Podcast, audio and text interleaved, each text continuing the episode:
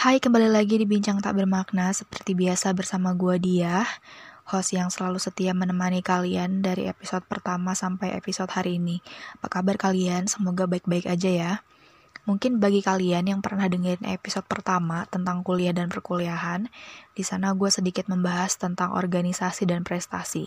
Nah, episode kali ini sangat erat kaitannya dengan episode pertama itu. Di episode ke-8 ini, gue akan membahas tentang organisasi versus prestasi.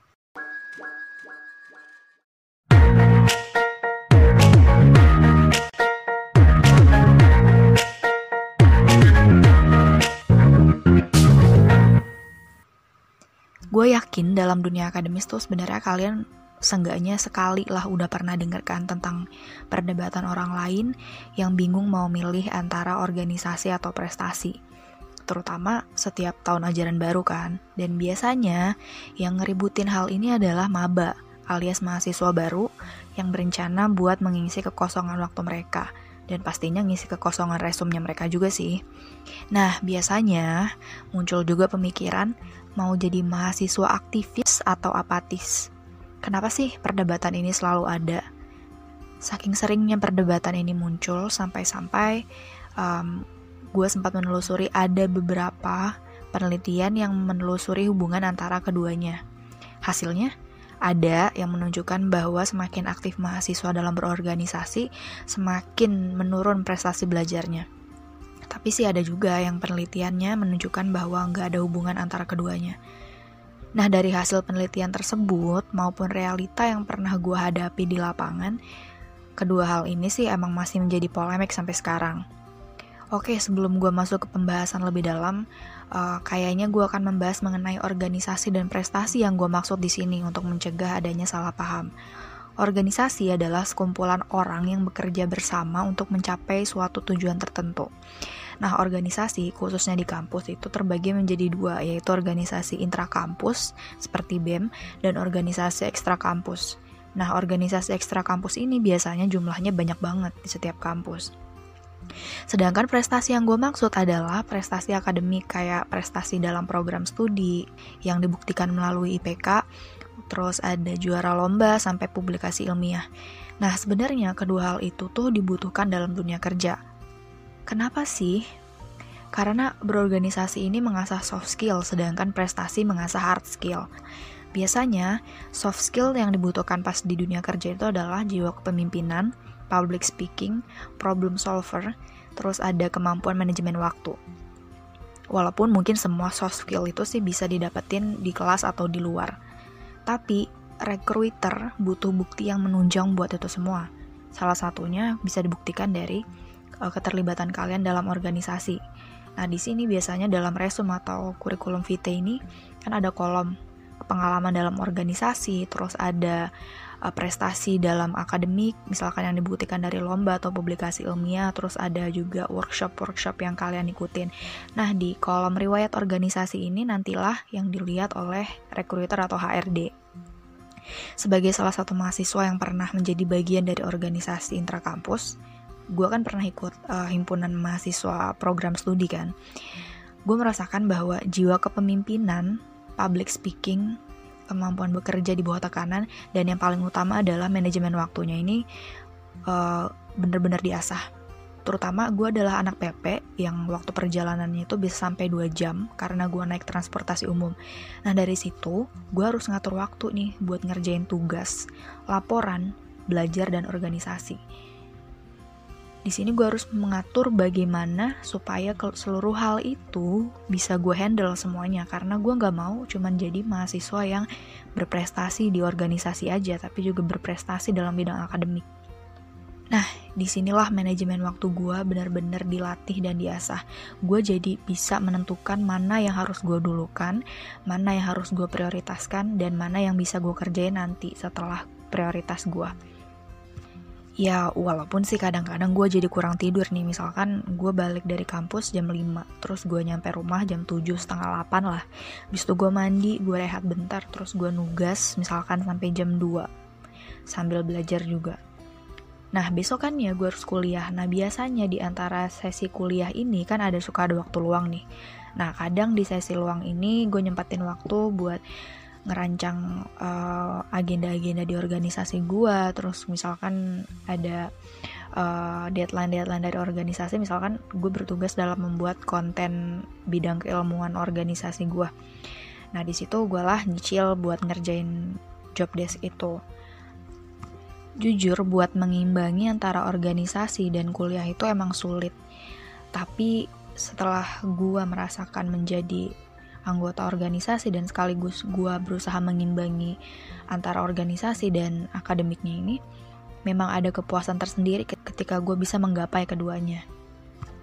Nah dari organisasi ini gue juga bisa membangun relasi dengan banyak orang kan. Gue bisa ketemu kakak tingkat yang bahkan sebelumnya gak pernah gue kenal. Bahkan gue bisa ketemu mahasiswa dari universitas lain. Jadi menurut gue, menurut pandangan subjektif gue um, pendapat bahwa organisasi ini dapat menurunkan prestasi akademik adalah suatu hal yang subjektif alias nggak berlaku untuk semua orang, nggak berlaku mutlak. Ini semua tergantung orangnya masing-masing ya. Ini menurut pandangan gue nih. Ada orang yang emang nggak bisa manajemen waktu. Jadi organisasinya lancar, jalan terus, rajin rapat sana sini, tapi akademiknya turun. Ada orang yang bisa meng, uh, mengimbangi keduanya, alias organisasinya lancar, tugasnya juga lancar, akademiknya lancar. Ada orang yang cuman bisa uh, menghandle akademiknya aja, alias dia nggak ikut organisasi. Yang tadi gue bilang di awal bahwa dia menjadi mahasiswa yang mungkin bagi pandangan orang-orang adalah mahasiswa apatis alias kuliah pulang kuliah pulang. Walaupun kedua sisi ini baik mahasiswa aktivis atau mahasiswa apatis ini nggak selamanya negatif. Mahasiswa aktivis nggak selamanya akademiknya buruk. Mahasiswa apatis nggak selamanya hanya kuliah pulang kuliah pulang. Bisa aja dia ada ikut lomba di luar atau dia publikasi ilmiah. Kedua hal ini bagus buat orang Apalagi kalau kita bisa mencapai keduanya. Mungkin ada sedikit cerita dari gue. Gue sebagai mahasiswa organisasi yang selalu berusaha untuk mengimbangi dengan akademik, uh, eh, gue merasakan bener-bener bisa manajemen waktu kayak yang tadi gue bilang. Gue juga puas karena nilai akademik gue pun gak hancur gitu. Maksudnya gue masih bisa menjaganya tetap stabil. Dan menurut gue itu adalah suatu pencapaian yang luar biasa di antara kesibukan gue berorganisasi. Bahkan ada salah satu temen gue yang dia organisasinya bagus di mana-mana. Banyak maksudnya ikut organisasinya. Dan dia juga hebatnya adalah ikut banyak lomba, publikasi ilmiah, bikin buku dan lain-lain. Dan gue sih salut banget sama dia, applause banget, respect ada juga temen gue yang kerjaannya cuma kuliah pulang kuliah pulang dan IP-nya pun nggak uh, sempurna gitu maksudnya. Ya mungkin bisa dibilang sama sama gue yang orang organisasi. Jadi kedua hal ini adalah subjektif tergantung orangnya. Bisa aja orangnya mageran nggak mau organisasi dan mungkin malas belajar juga otomatis akademik dan organisasinya buruk. Ada orang yang Tadi gue bilang dia organisasinya bagus, akademiknya jelek. Ada orang yang bisa mengimbangi keduanya. Jadi ini adalah pilihan kalian masing-masing dan kalian sanggupnya di mana. Kalau misalkan kalian mau fokus organisasi ya monggo, tapi konsekuensinya adalah bisa jadi nanti prestasi akademik kalian menurun. Atau mungkin kalian mau milih jadi orang yang uh, mementingkan prestasi akademik monggo tapi nanti mungkin kalian uh, tidak akan mendapatkan soft skill yang bisa didapatkan ketika berorganisasi. Ya walaupun tidak menutup kemungkinan kalian bisa dapat soft skill itu di luar. Misalnya tadi jiwa kepemimpinan. Mungkin kalian bisa latih sendiri dari di kelas misalnya kalian jadi uh, ketua kelas atau mungkin kalian mau nyari relasi dan kalian gak harus dapetin itu dari organisasi aja misalnya kalian mau ikut UKM atau mungkin kalian mau ikut komunitas atau bisa jadi kalian nyari relasi dari sosial media. Bahkan banyak loh orang yang lebih aktif di sosial media dia memiliki kenalan yang lebih banyak daripada orang yang berorganisasi. Jadi menurut gue adalah uh, berorganisasi tidak selalu menghambat prestasi. Nah terus peran keduanya nih, peran organisasi dan prestasi dalam melamar pekerjaan apa sih? Yang dibutuhkan oleh perusahaan atau tempat kerja adalah orang yang memiliki soft skill dan hard skill. Nah, biasanya mereka kan kalau mau ngerekrut orang, ngelihat dari resume atau CV kalian kan. Kalau misalnya CV kalian kosong, resume kalian kosong, mereka mau percaya apa gitu. Misalkan kalian ngeklaim bahwa kalian punya jiwa kepemimpinan, kalian mampu public speaking yang bagus, kalian uh, apa namanya punya hard skill yang bagus, punya pengetahuan yang bagus, tapi dalam situ di dalam CV kalian gak ada sesuatu hal yang bisa membuktikan itu semua. Misalnya di kolom skill kalian ngisi memiliki jiwa kepemimpinan yang bagus, public speaking yang bagus, problem solving yang bagus, dan manajemen waktu yang bagus. Tapi gimana HRD atau recruiter ini percaya kalau kalian punya skill-skill tersebut? Kalau kalian bilang, oh ya udah, coba coba gue aja dulu jadi pekerja mereka gitu, pekerja percobaan. Mustahil, karena mereka juga nggak mungkin dong menerima semua pelamar yang um, melamar pekerjaan di perusahaan mereka kan karena semuanya juga bisa aja ngeklaim punya jiwa kepemimpinan dan soft skill lain yang sama kayak kalian. Maka dari itu, menurut gue perlu banget kalian uh, memiliki uh, apa namanya bukti yang menunjang skill kalian tersebut. Misalnya kalian ikut organisasi intrakampus atau ikut organisasi ekstra kampus atau kalian mungkin bisa jadi ikut UKM dan uh, komunitas di luar kampus gitu. Dari situlah kalian bisa membuktikan soft skill kalian ini kepada recruiter atau HRD terus gimana sih cara uh, membuktikan hard skill kalian hard skill ini tipenya ada dua ada teori dan praktikal nah teori ini mungkin bisa kalian buktikan dari nilai IPK. Sedangkan kalau praktikal mungkin bisa kalian buktikan dari workshop atau mungkin uh, kalian punya uh, skill praktikal bisa Adobe Premiere, bisa Adobe Photoshop, bisa Illustrator dan sebagainya. Nah, hal uh, hard skill kedua ini juga dibutuhkan dalam dunia kerja. Maksudnya bukan hanya teori aja tapi juga praktikalnya. Sebenarnya ada sedikit cerita menarik sih dari gua pribadi.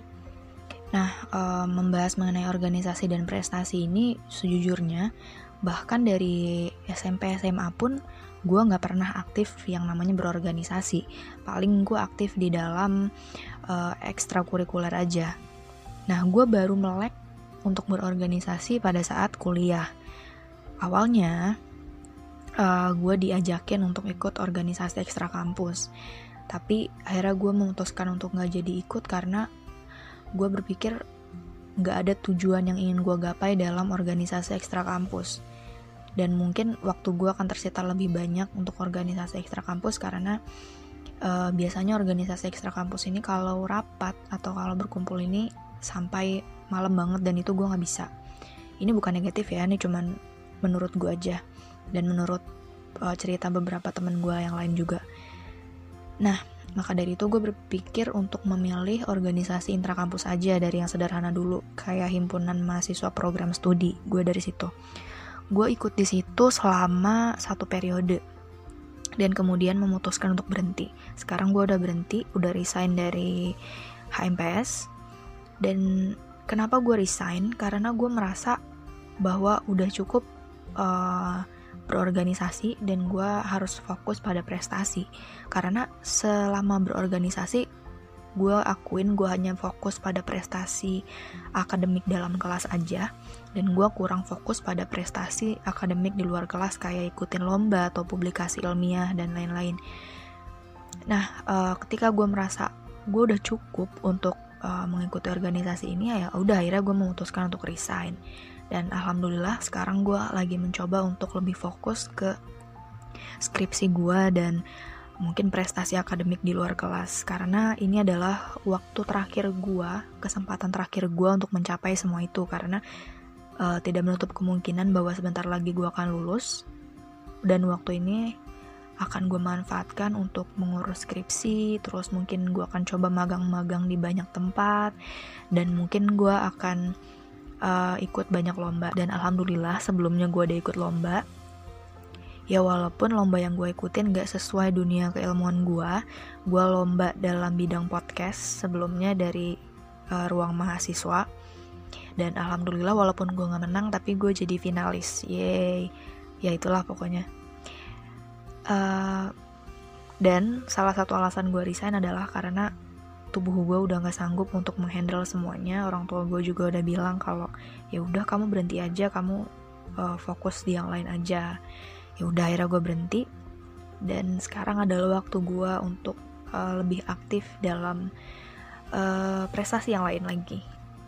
Jadi kesimpulan pada podcast hari ini adalah kita sebenarnya nggak perlu membandingkan antara organisasi dan prestasi karena kedua hal itu penting banget buat perkembangan diri kita dan buat uh, kita nantinya dalam dunia kerja karena yang tadi gue bilang kalau organisasi mengasah soft skill sedangkan prestasi mengasah hard skill dan perusahaan membutuhkan keduanya. Jadi kenapa kita nggak ubah mindset kita kenapa kita nggak gapai aja dua-duanya? Kenapa harus salah satu? Gitu. Walaupun mungkin kalian bisa misalkan nggak sanggup untuk menggapai keduanya sekaligus, mungkin kalian bisa terapin metode yang sama kayak gue. Misalnya organisasi dulu, baru nanti di akhir kalian padetin dengan prestasi. Nah, mungkin episode ke-8 Bincang Tak Bermakna cukup sekian. Gua mohon maaf apabila ada salah kata, dia pamit undur diri, sampai jumpa lain waktu.